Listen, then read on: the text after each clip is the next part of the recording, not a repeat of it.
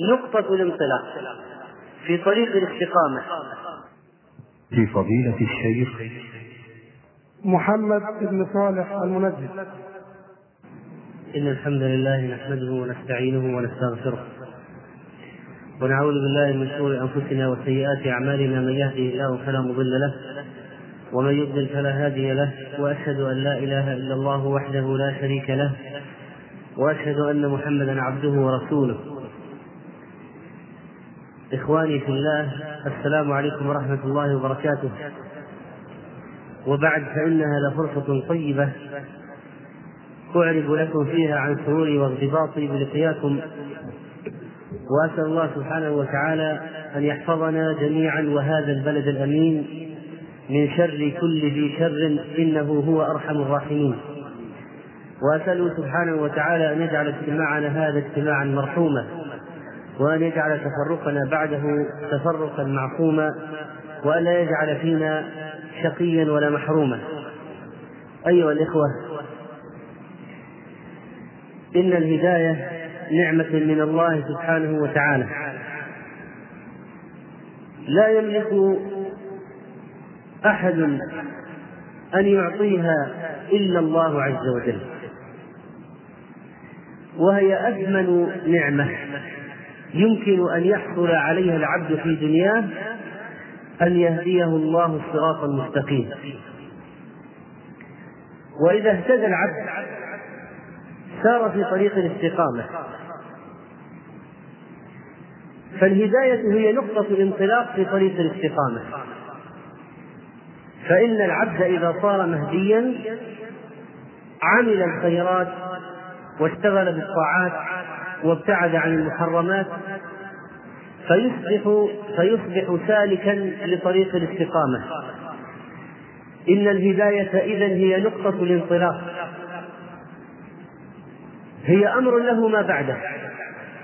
وينبني عليه كثير من الأمور. وهذا هو عنوان المحاضرة لهذه الليلة نقطة الانطلاق في طريق الاستقامة. نقطة الانطلاق مهمة جدا لأنها تغير مسار الشخص. وعندما نستحضر في أذهاننا صور صورا من بعض الصحابة الذين دخلوا في الدين وأسلموا كان إسلامهم وهو نقطة الانطلاق بالنسبة لهم. كانت نقطة انطلاق عظيمة لأن الشخص يتغير كيانه ويتغير اتجاهه.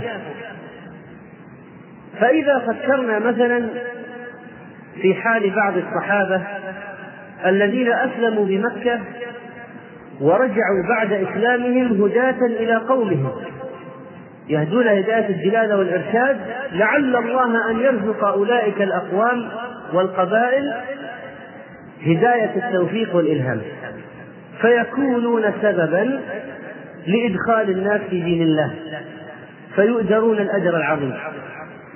يسلم يهديه الله. فينطلق للعمل الإسلام.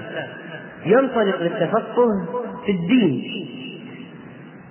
بل إنه ينطلق للجهاد في سبيل الله. وينطلق لمفاصلة الكفار. وإعلان البراءة منهم. وما حدث لثمامة ابن أسال رضي الله تعالى عنه. ما حدث لثمامة بن أسال رضي الله عنه. لما أسلم بعد ثلاثة الأيام التي كان مقيدا فيها في المسجد يرى صلاة النبي صلى الله عليه وسلم بالمسلمين ويسمع قراءته صلى الله عليه وسلم للقرآن بذلك الصوت الخاشع. وينظر إلى التعامل الذي يتعامل به المسلمون مع نبي صلى الله عليه وسلم. إنه يرى يوميا حياة عملية منبثقة عن دين الله. ماذا حدث لما أسلم ثمامة؟ انطلق ليفاصل الكفرة. استأذن في عمرة. وذهب إلى كفار قريش ليعلن مقاطعة اقتصادية لهم ما يأتيكم حبة حنطة حتى يأذن فيها رسول الله صلى الله عليه وسلم. وهذه المحاضرة أيها الإخوة هي إكمال لمحاضرة سابقة بعنوان بين الهداية والانتكاس. أذكر في مطلع هذه المحاضرة ببعض النقاط. الهداية التي هي نقطة الانطلاق كما قلنا من الله عز وجل. ولذلك نحن ندعو ربنا يوميا عدة مرات ونقول اهدنا الصراط المستقيم. نطلب الهداية من الله. فإذا قال إنسان أنا مستقيم على الدين فلماذا أطلب الهداية؟ نقول إن طلب الهداية للمهتدي. طلب الهداية من قبل المهتدي يطلب رب من ربه الهداية فيها فوائد. فمن ذلك تثبيته على الهداية. لأن الإنسان قد يهتدي ثم ينتكس فيسأل الله أن يثبته على الهداية. وكذلك أن يستزيد من الهداية. فإن الهداية مراتب. الهداية مثل الإيمان مثل العلم هي مراتب. فإذا اهتدى العبد وصار في مرتبة من مراتب الهداية يسأل ربه المزيد من هذه الهداية. والجنة درجات. فمن صار في الإيمان والعلم والتقى في المراتب العليا صار في الجنة من أهل المراتب العليا. وقالت عائشة رضي الله عنها إنها فقدت النبي صلى الله عليه وسلم مرة من مضجعه فلمسته بيدها فوقعت عليه وهو ساجد وهو يقول رب أعط نفسي تقواها وزكها أنت خير من زكاها أنت وليها ومولاها. فهذه التقوى والتزكية هي الهداية من الله سبحانه وتعالى. لا أملكها أنا ولا أنت. إنك لا تهدي من أحببت. ولكن الله يهدي من يشاء. من الذي يهدي إلى الحق؟ قل الله يهدي إلى الحق. قل الله يهدي للحق. والله يدعو إلى إلى دار السلام ويهدي من يشاء إلى صراط مستقيم. الهداية منة من الله. بل الله يمن عليكم. أن هداكم للإيمان.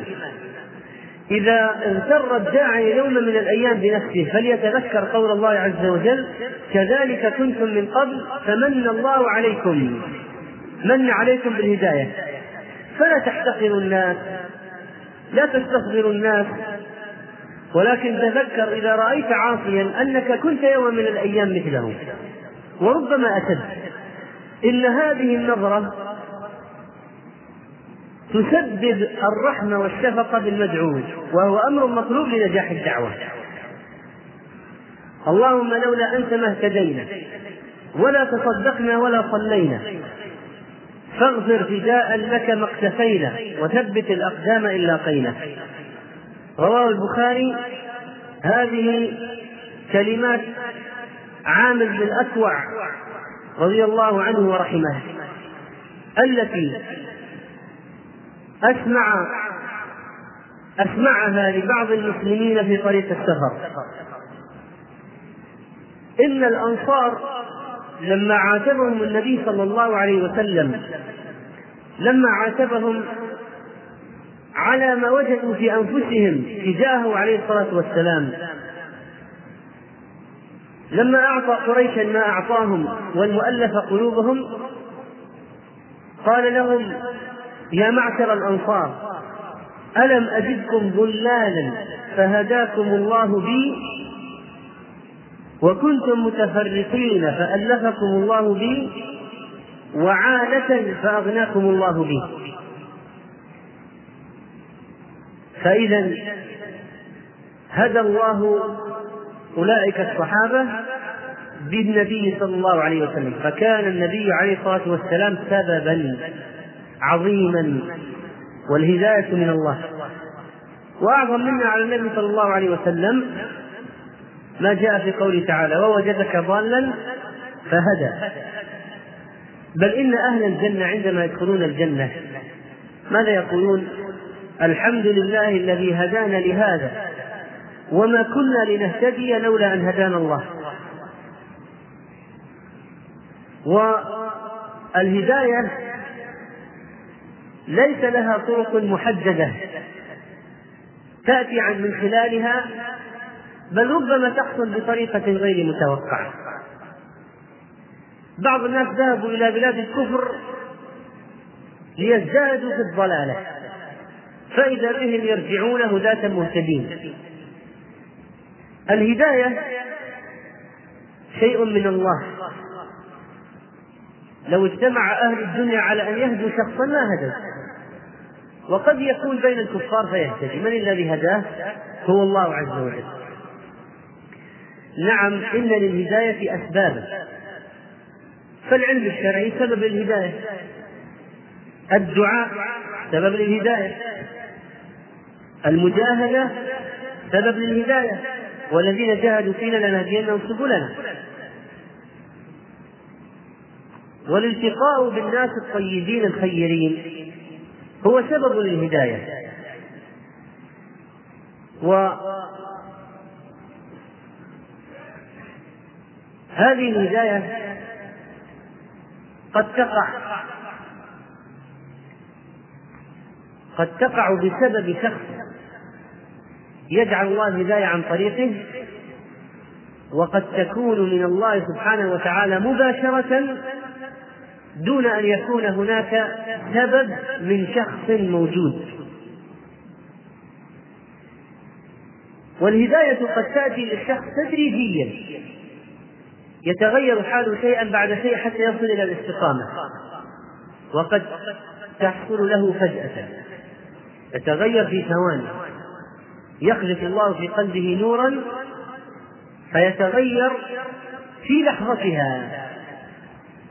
وينقلب حاله أو يرجع في الحقيقة للاستواء بعد أن كان منقلبا منكوسا. من الأمثلة على دخول الهداية التدريجي تدريجيا ما حصل لجبير بن مطعم وكان من جملة أسار بدر. قال سمعت رسول الله صلى الله عليه وسلم قرأ في المغرب بالطور فلما بلغ هذه الآية أم خلقوا من غير شيء؟ أم هم الخالقون؟ أم خلقوا السماوات والأرض بل لا يوقنون؟ أم عندهم خزائن ربك أم هم المسيطرون؟ قال كاد قلبي أن يطير. وذلك أول ما وقر الإيمان في قلبي. أول ما سكن وثبت. قال ابن كثير رحمه الله فكان سماعه هذه الآية. أم خلقوا من غير شيء؟ من العدم. أم هم الخالقون لأنفسهم؟ أم هم الذين خلقوا السماوات والأرض؟ فهو يناقشهم مناقشة قوية. قال ابن كثير رحمه الله فكان سماعه هذه الآية من هذه السورة من جملة ما من جملة. يعني هذا سبب. هذه هذا شيء من الأشياء. عامل من العوامل. فكان سماع هذه الآية من هذه السورة من جملة ما حمله على الدخول في الإسلام بعد ذلك. قد تكون الموعظة أو الخطبة أو الشريط أو الكتاب الذي يقرأه ونحو ذلك.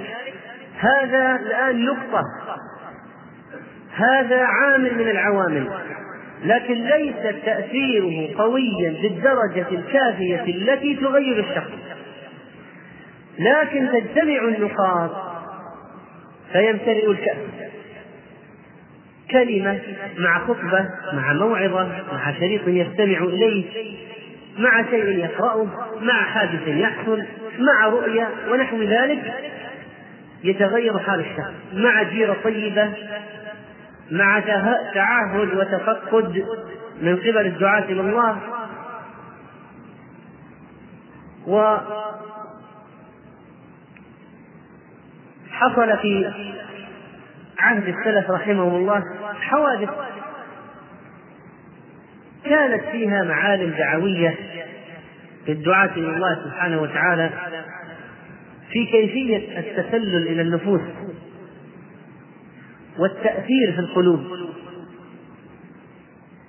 ومن ذلك ما حصل لزازان أبو عمرو الكندي أحد العلماء الكبار. تاب على يد ابن مسعود رضي الله عنه. قال زازان كنت غلاما حسن الصوت جيد الضرب بالطنبور وهو من آلات اللهو فكنت مع صاحب لي وعندنا نبيذ وأنا أغنيهم. هذا فتى لاهي لاعب لكن الله سبحانه وتعالى قدر أن يكون من كبار العلماء. فلا بد من نقلة. لا بد من نقطة انطلاق لكي يمسك هذا الشخص بدرب الاستقامة. ويصل وهو يمشي فيه ويسرع الخطى إلى رتبة العلماء الكبار. فكنت مع صاحب لي وعندنا نبيذ وأنا أغنيهم فمر ابن مسعود فدخل وضرب الباطية يعني إناء الخمر فبددها وكسر الطنبور ثم قال لو كان ما يسمع من حسن صوتك يا غلام بالقرآن كنت أنت أنت.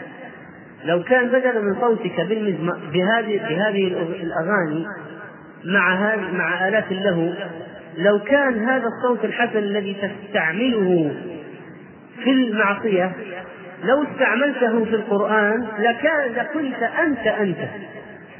لكنت أنت الرجل العظيم وأنت الشخص المبارك. لكنت أنت أنت أنت بالمنزلة الرفيعة. ثم مضى. فقلت لأصحابي من هذا؟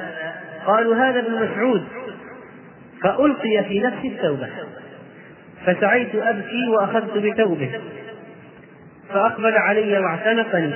فاعتنقتي فاعتنقني وبكى وقال مرحبا بمن أحبه الله واجلس ثم دخل وأخرج تمرا. إلى آخر القصة. والقعنبي المحدث المشهور كانت هدايته على يد شعبة بن الحجاج كان قال أحد أولاده كان أبي يشرب النبيذ ويصاحب الأحداث فدعاهم يوما وقد قعد على الباب ينتظرهم ينتظر أصحاب السوء قرناء السوء. فمر شعبة على حماره وكان شعبة هو أمير المؤمنين في الحديث في عصره. والناس خلفه يهرعون طلاب الحديث يسرعون وراء شعبة لكتابته فقال من هذا؟ قيل شعبة قال وإيش شعبة؟ أي شيء شعبة؟ لماذا هذا التجمهر حول هذا الرجل؟ قالوا محدث فقام إليه وعليه إزار أحمر ومعلوم أن لبس الأحمر الخالص للرجال منهي عنه لكن هذا كان شابا ماجنا. لكن لما سمعوا يقولون محدث جرى وراءه. فقال له حدثني. فقال له شعبة وقد رأى هيئته ولباسه. ما أنت من أصحاب الحديث فأحدثك.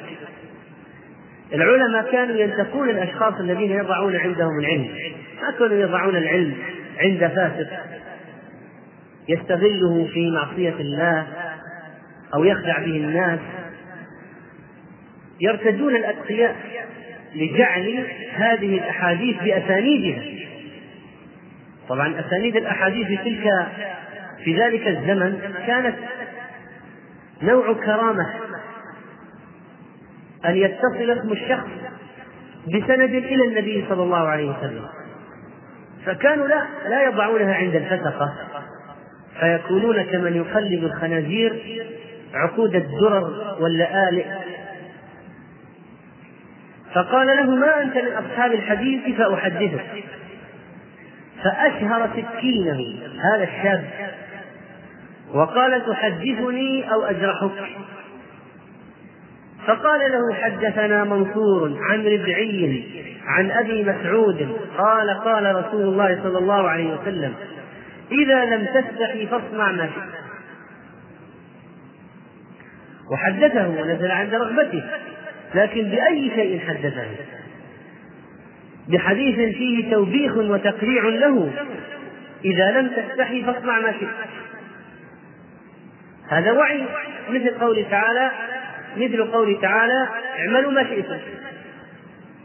والله عز وجل الله سبحانه وتعالى سيجازيكم ويحاسبكم. فرمى سكينته ورجع إلى منزله. أثر فيه هذا الحديث وهذه الموعظة من المحدث. ورجع إلى منزله فقال فقام إلى جميع ما كان عنده من الشراب فهراقه يعني أراقه. وقال لأمه الساعة أصحابي يجيئون فأدخليهم وقدمي الطعام إليهم فإذا أكلوا فخبريهم بما صنعت بالشراب خبريهم أن حالي قد تغير. هذه مسألة مهمة. ينبغي أن يعرف قرناء السوء أن حال صاحبهم يت... قد تغير. ينبغي أن يعرف تعرف الشلة أن هذا الشخص لا طريق له معه. ينبغي على التائب أن يؤيس قرناء السوء الذين كانوا معه. لازم. لا بد أن يؤيسهم. يجعلهم يصابون باليأس منه. لأن بقاء الأمر معلقا وهو يخفي حاله الجديد خطير جدا عليه. لأنهم سيعاودون الكرة ويحاولون إعادته مرة أخرى إلى ما كان عليه. لكن إذا كان من البداية صار التصريح بالتغيير لم يكن هذا مؤثرا فيها. ومضى من وقته إلى المدينة فلزم مالك بن أنس فأثر عنه ثم رجع إلى البصرة وقد مات شعبة فما سمع منه غير هذا الحديث. وعدد من السلف رحمهم الله تابوا لمواقف مثل الفضيل بن عياض الذي تاب الذي تاب عندما سمع رجلا يقرأ القرآن في الليل. ألم يأن للذين آمنوا؟ أن تخشع قلوبهم لذكر الله وما نزل من الحق.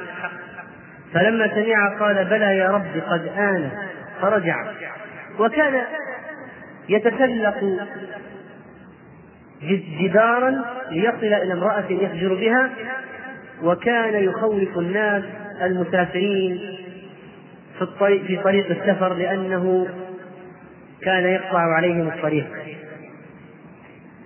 وفي سيرة مالك بن دينار قيل دخل عليه رزق فما وجد ما يأكله فناداه مالك بن دينار وكان زاهدا. ما عنده ممتلكات البيت ما عنده كماليات. أطقم من الحلي والمجوهرات. خزينة نقود ما كان عندهم في البيت أشياء يريدها اللصوص فناداه مالك وأحس به أحس باللص الليل. قال لم تجد شيئا من الدنيا فترغب في شيء من الآخرة؟ فاستحيا اللص قال نعم. قال توضأ وصلي ركعتين. ففعل. ثم جلس وخرج إلى المسجد. فسئل مالك بن دينار من ذا الذي خرج من عندك؟ قال جاء ليسرق فسرقناه. و سبق كما قلت لكم في تلك المحاضرة الكلام بتوسع عن موضوع أو بشيء من التوسع عن موضوع الهداية. وننتقل أيها الإخوة الآن لدراسة بعض الحالات التي اهتدى فيها بعض الأشخاص. أمثلة واقعية. أمثلة واقعية لقصص وحوادث حصلت كانت سببا لهداية بعض الأشخاص. ونصل من خلالها إلى بعض التوصيات التي تهم الدعاة إلى الله سبحانه وتعالى.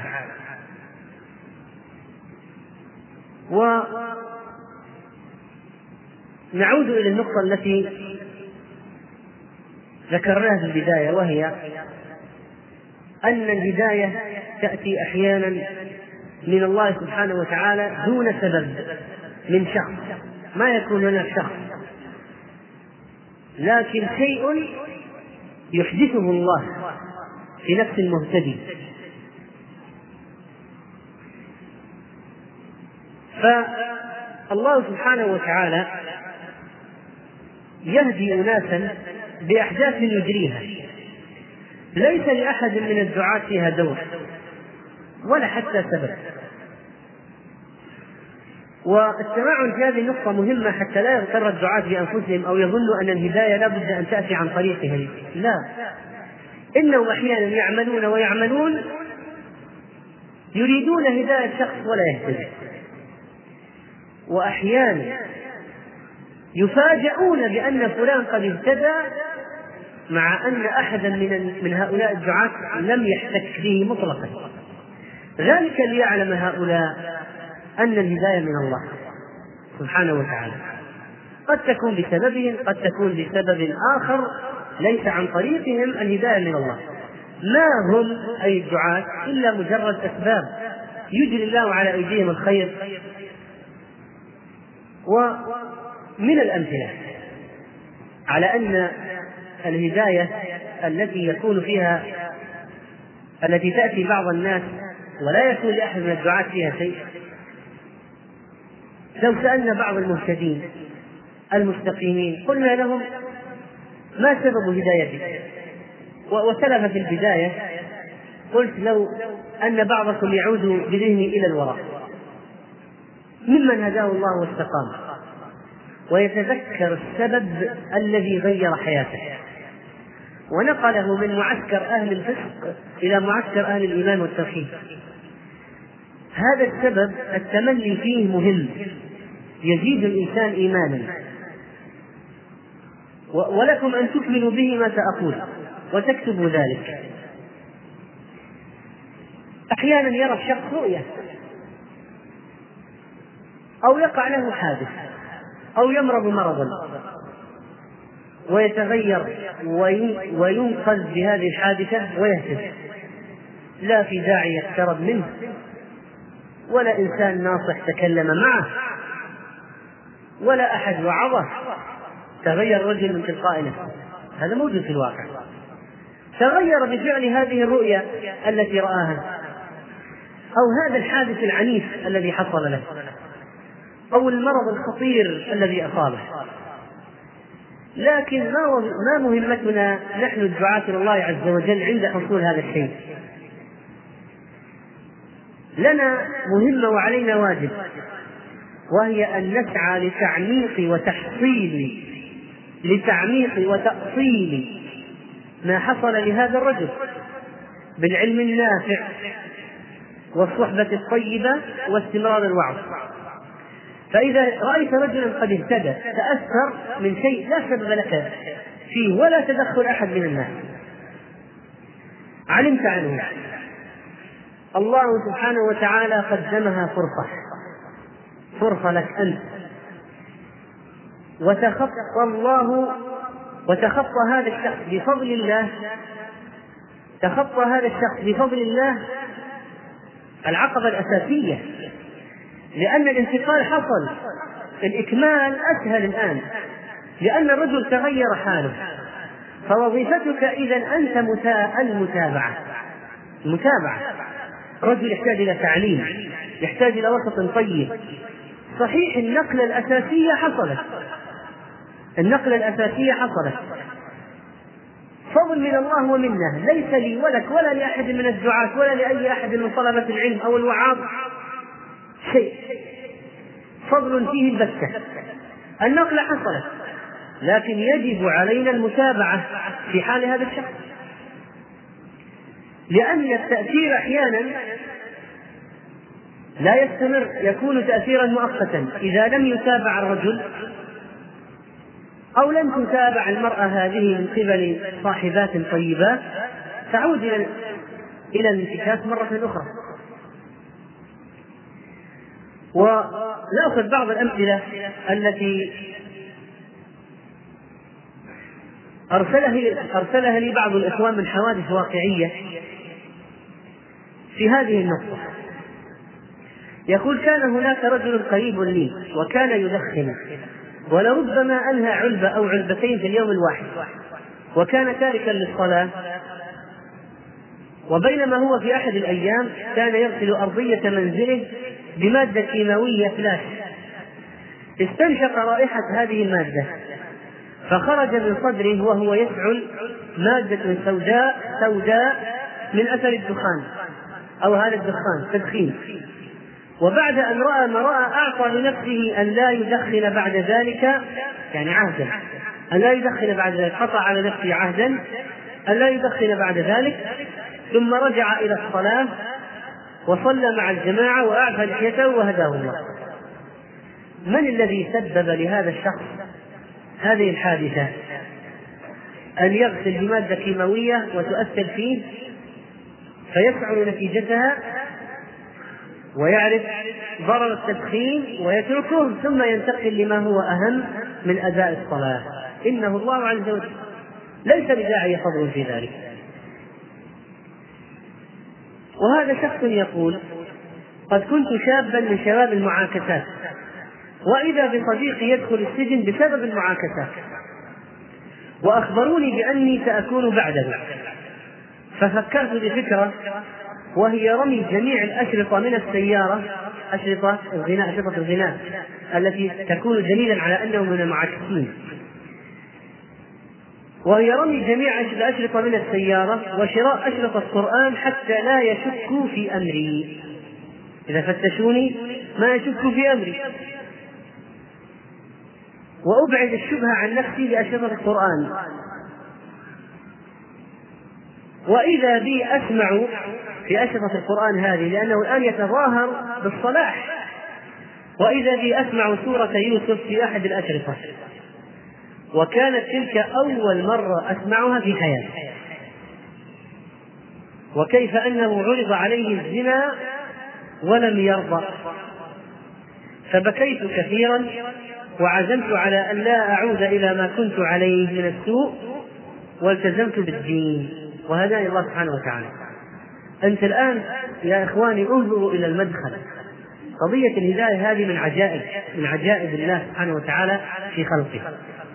هذا أتى بالأشرطة ويكون تغطية. فكانت الأشرطة سبب الهداية. وآخر يقول أعرف شخصا كانت هدايته أن صار في مأزق نظرا لمعصية اقترفها.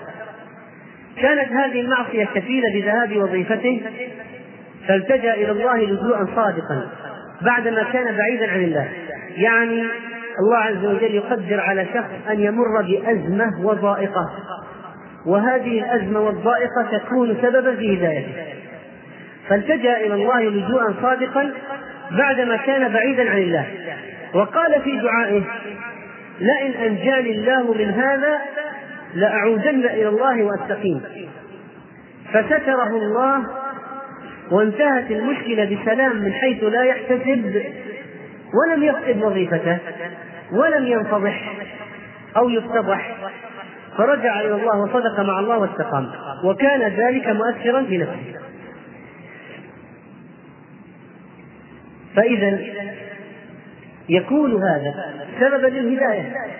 ما يقدره الله على الشخص من المصائب أو الأزمات.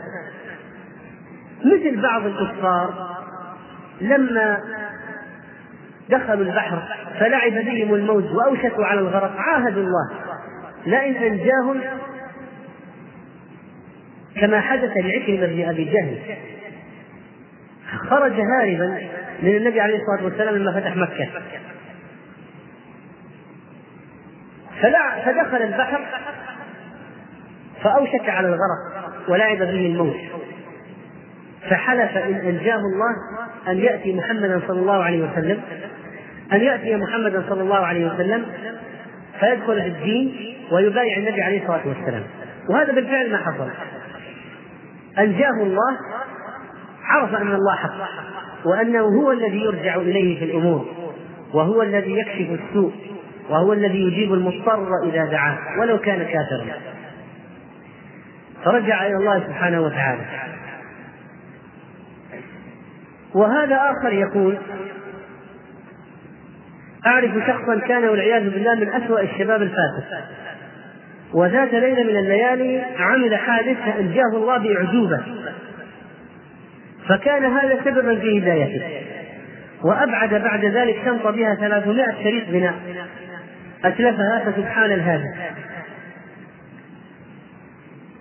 وقلت سابقا إن بعض الناس يريهم الله رؤى في المنام تكون سببا لهدايته قد يرى يوم القيامة قد قام وأن الناس بعثوا من القبور أو يرى نفسه في القبر ونحو ذلك من الأشياء فيفزع فتكون تلك الرؤيا تنبيها من الله عز وجل ودافعا له للعودة والتوبة.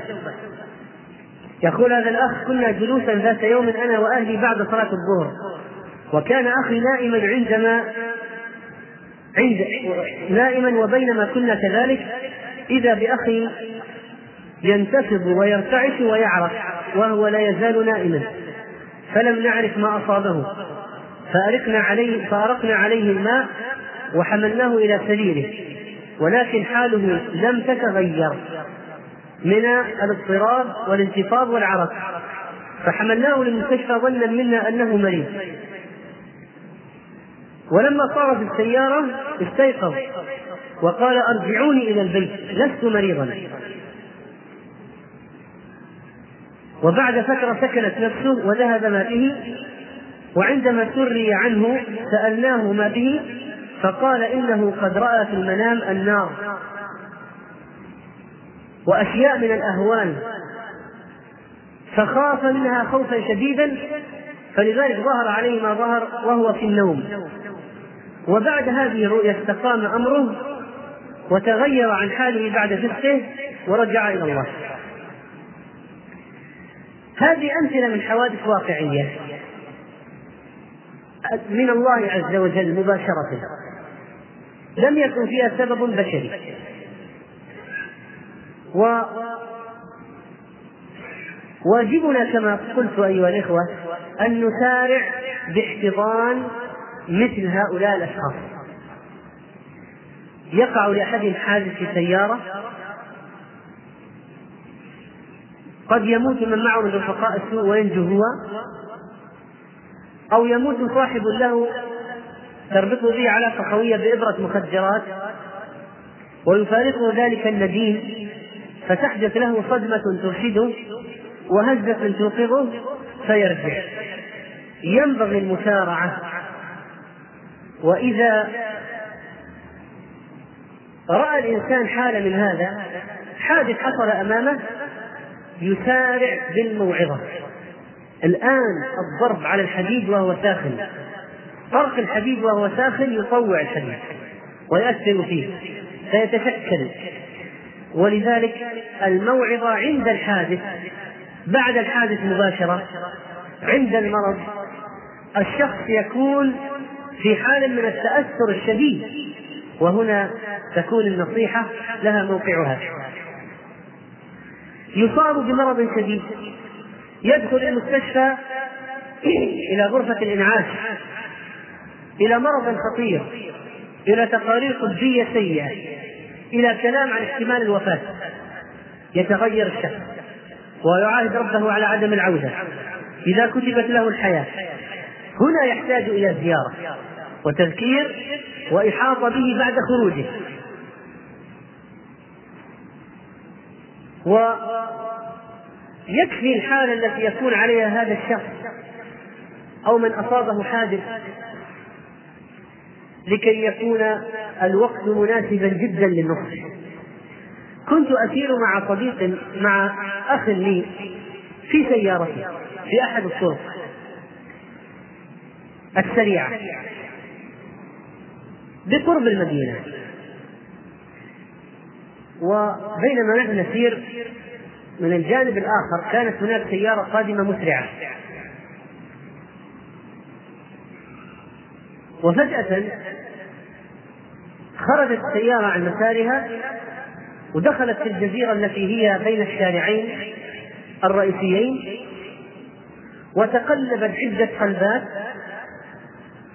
وارتفع الغبار وغطى مكان الحادث ما عدنا نرى شيء مطلقا من الغبار المنبعث. إلا أنني رأيت باب السيارة يتقلب حتى وصل إلى سلك الشارع. وإطار من إطاراتها يمشي حتى عبر الشارع وخط المساندة ودخل في الرصيف المقابل. فأسرعنا إليهم. فلما انجلى الغبار رأينا أربعة أشخاص يخرجون من نوافذ السيارة وهم الذين كانوا بداخلها لطف الله بهم. لأن الرمل ثبت السيارة بعد تقلبها فثبتت وصار سقفها إلى الأسفل وعجلتها إلى الأعلى وهم يخرجون كالمتسللين من هذه الشبابيك مكسرة الزجاج. ما هي العلامات التي كانت على وجوههم؟ القتر والغبار وجروح وخدوش وهذا يعرج وهذا يئن من الألم فجلسوا على حافة الطريق. وهم مستغرقين بالدهشة لأن الحادث أيها الأخوة إذا صار في ثواني يفاجأ به الشخص أيما مفاجأة. وكان هناك صوت شرير بالغناء لا ينبعث من السيارة لا زال يعمل. فلما رأنا هذا الشخص أقدمنا عليه قال سكر هذا الله يلعنه الموسيقى. يعني تدارك الأمر يعني استحيا.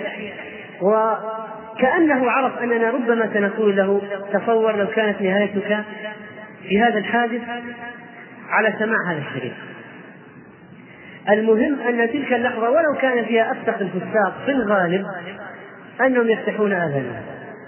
والآن هذه لحظات مواساة. قد لا يكون من المناسب أن ينزل عليهم الشخص بالتقريع والتوبيخ. هذه حالة مواساة. لكن يكون معها شيء من التذكير والوعظ.